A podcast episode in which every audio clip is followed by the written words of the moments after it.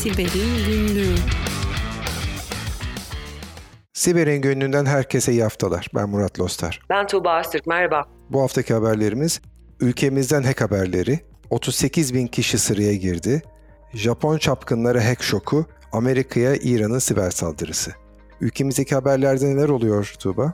Evet iki tane haberimiz var aslında burada sevgili Murat. Bir tanesi malum Küçükçekmece Belediyesi'nin başına gelenlerle alakalı. Aslında sanıyorum Küçükçekmece Belediyesi'ne mensup olan kişiler ya da işte o bölgede oturan vatandaşların herhangi bir iletişim bilgisinin ele geçirildiğine dair bir belge bulgu yok. Fakat Küçükçekmece Belediyesi'nin SMS vendor olan şirketin web arayüzüne kullanıcı parola bilgisini tahmin ederek ya da belki de brute force dediğimiz kaba kuvvet saldırısıyla ulaşmış olacaklar ki o beldede oturan insanlara toplu SMS göndermişler. Burada yaklaşık olarak 285 bin kişiden bahsediyoruz. Gönderilen SMS'lerin içeriği de biraz komik açıkçası. Evet İngilizce bir küfür ama asla yabancılarda olan, e, yabancı ülkelerde bulunan bir küfür değil. Yani bunu bir Amerikalıya söylesen ya da bir İngiliz'e söylesen bu ne diyor derler. E, yazılan küfürü tabii ki burada söyleyemeyeceğim ama kullanılan ifadeler kesinlikle bu işin arkasında bir Türk olduğunu doğruluyor.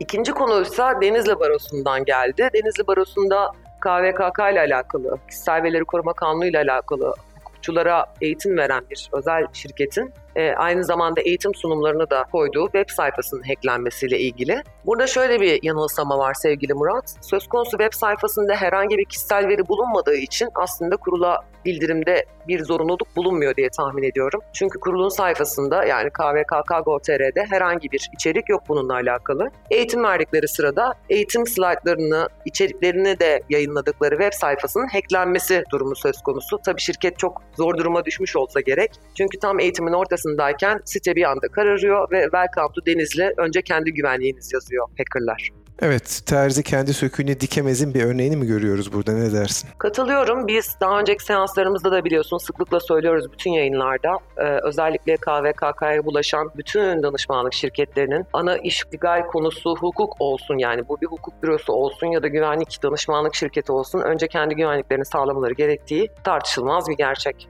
Kesinlikle öyle. Benim bugünkü ilk haberim Almanya'dan, Frankfurt'un kuzeyindeki Justus Liebig Üniversitesi'nden Tuğba. Haber aslında artık alışık olduğumuz çok da önemli olduğunu düşünmediğim bir haber aslında bakarsan. Evet önemli bir haber üniversite açısından bakarsak. Üniversite bir siber saldırıya maruz kalıyor. Bir kötü niyetli yazılım, bir virüs bulaşıyor. Ama üniversitenin bilgi teknolojileri yönetim ekibi söz konusu saldırıyı çok büyük ve önemli olduğunu düşünüyor olacak ki bütün sistemi kapatıp sıfırdan kurmaya karar veriyorlar. Aslında olay geçen ayın, geçen yılın son ayının Aralık ayının başında gerçekleşiyor ve tüm network 8 Aralık'tan itibaren kapalı kalıyor. Herkesi birbirine bağlı kalıyor. Dolayısıyla bir anda bütün sistemleri kapatıyor IT'ciler. Önce ellerindeki 1200 tane USB'yi bir temiz bir makinede tarayıp virüsüz olduğunu emin oluyorlar. Sonra da tüm sistemleri baştan kuruyorlar. İtiraf edeyim benim adıma buraya kadar da bir haber niteliği yok. Haber niteliği şu. Üniversitedeki öğrenciler, öğretim görevlileri toplam nüfus 38 bin kişi. Yeni sisteme güvenlik e, kılmak için diyorlar ki 38 bin kişiye çalışmayan sistemleri hazır hale getirdikten sonra IT ekibi arkadaşlar sıradan gelin kimliğinizi gösterin biz size kağıtla parolanızı vereceğiz. Dolayısıyla bir anda 38 bin kişinin bir IT ekibinin odasının önünde sıraya girip saatlerce bekleyip parola almasını gerektiren bir yapı karşımıza çıkıyor. Ben bunu çok ilginç bir haber olarak görüyorum. Güvenliğin hayatımızı kolaylaştırması, en azından zorlaştırması, engel olması gerektiğini hep savunan bir insan olarak bu yöntemin biraz aşırı olduğunu düşünüyorum. Bilmiyorum sen ne dersin Tuğba? Yani bu bizim ülkemizde olsa mesela hani haber niteliği belki taşımaz çünkü sıklıkla hala üniversitelerde de başımıza gelen bir konu. Ama yurt dışında özellikle bu tarz ülkelerde yani sayımın bittiği insanları biliyorsun artık eve ziyaret ederek e, gidip evinizde kaç hane var kaç kişi var vesaire diye saymıyorlar. Ya da e, oy kullanma durumu söz konusu olduğunda bütün sistemleri artık dijital. Bu kadar önde üniversiteleri yayınlar yapan, özellikle siber güvenlik konusunda yayınlar yapan profesörlerin bulunduğu, barındığı, okulların bulunduğu bölgelerde, bu tarz ülkelerde böyle uygulamalar hakikaten şaşırtıyor insanı. Öyle gerçekten. Sıradaki haber de benden gelsin o zaman sevgili Murat. Japon çapkınlara hack şoku. Biliyorsun ben böyle tabloid haberleri çok seviyorum.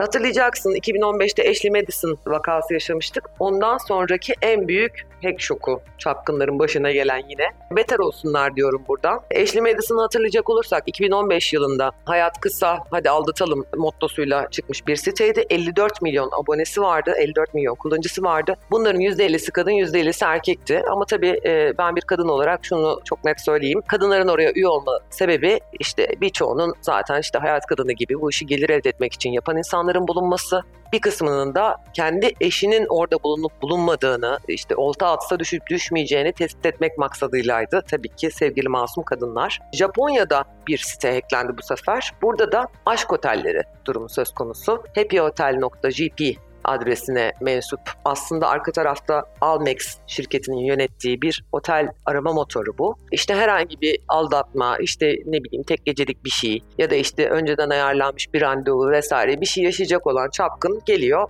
e, happyhotel.gp'den bu amaçla konaklayabileceği uygun bir otel buluyor ve bu otele işte kredi kartı bilgilerini siteye yine aynı şekilde kişisel verilerini vesaireyi veriyor buradaki bütün kişisel verilerin açığa çıktığı söyleniyor haberde. Aynı şirkete ait bir tane daha buna çok benzeyen bir arama motoru var. Oradaki sitenin de yayını kesilmiş ancak arka tarafta kişisel verilerin çıkıp çıkmadığı henüz bilinmiyor. Miktar bilgisi yani ne kadar kullanıcının burada hesabı olduğu, ne kadar kullanıcının kredi kartı, kullanıcı bilgilerinin ifşa olduğu henüz elimize ulaşmadı. İlerleyen dönemde bu bilgileri de vereceğiz. O zaman uzak doğulu çapkınları da beter olsun diyorum ben bu haberde. Tabii kültürel farklılıkları da göz ardı etmemek gerekiyor. İşte bir insanın çapkınlık yaptığı için yakalanıyor olması bizde ve bizim gibi kültürlerde çok e, ayıp ve kabul edilemez ve çok kötü bir şeyken bir takım ülkelerde var ki bu ortaya çıktığında bu o insan için hatta bir anlamda reklam niteliği bile taşıyabiliyor. Adli tıp uzmanı bir dostumla sohbet sırasında söylediğini hatırlıyorum. Sekse yaklaşım ve seks kültürü konusunun farklı ülkelerdeki Japonya buradaki özel örneklerden bir tanesi. Dünyanın geri kalanına göre çok daha farklı bir kültürel yaklaşım içerdiğini de biliyoruz. Dolayısıyla buradaki bilgiler de herhalde çok daha farklı olabilecektir diye düşünüyorum. Kişisel veriler olmanın yanı sıra Tuğba. Valla o Japonların kraları işte senin orada ne hesabın var, niye hesabın var, sen burada kredi kartıyla ödeme yapmışsın, falanca otelde filanca tarihte konaklamışsın dediği anda o adamlar harakiri yapar bence.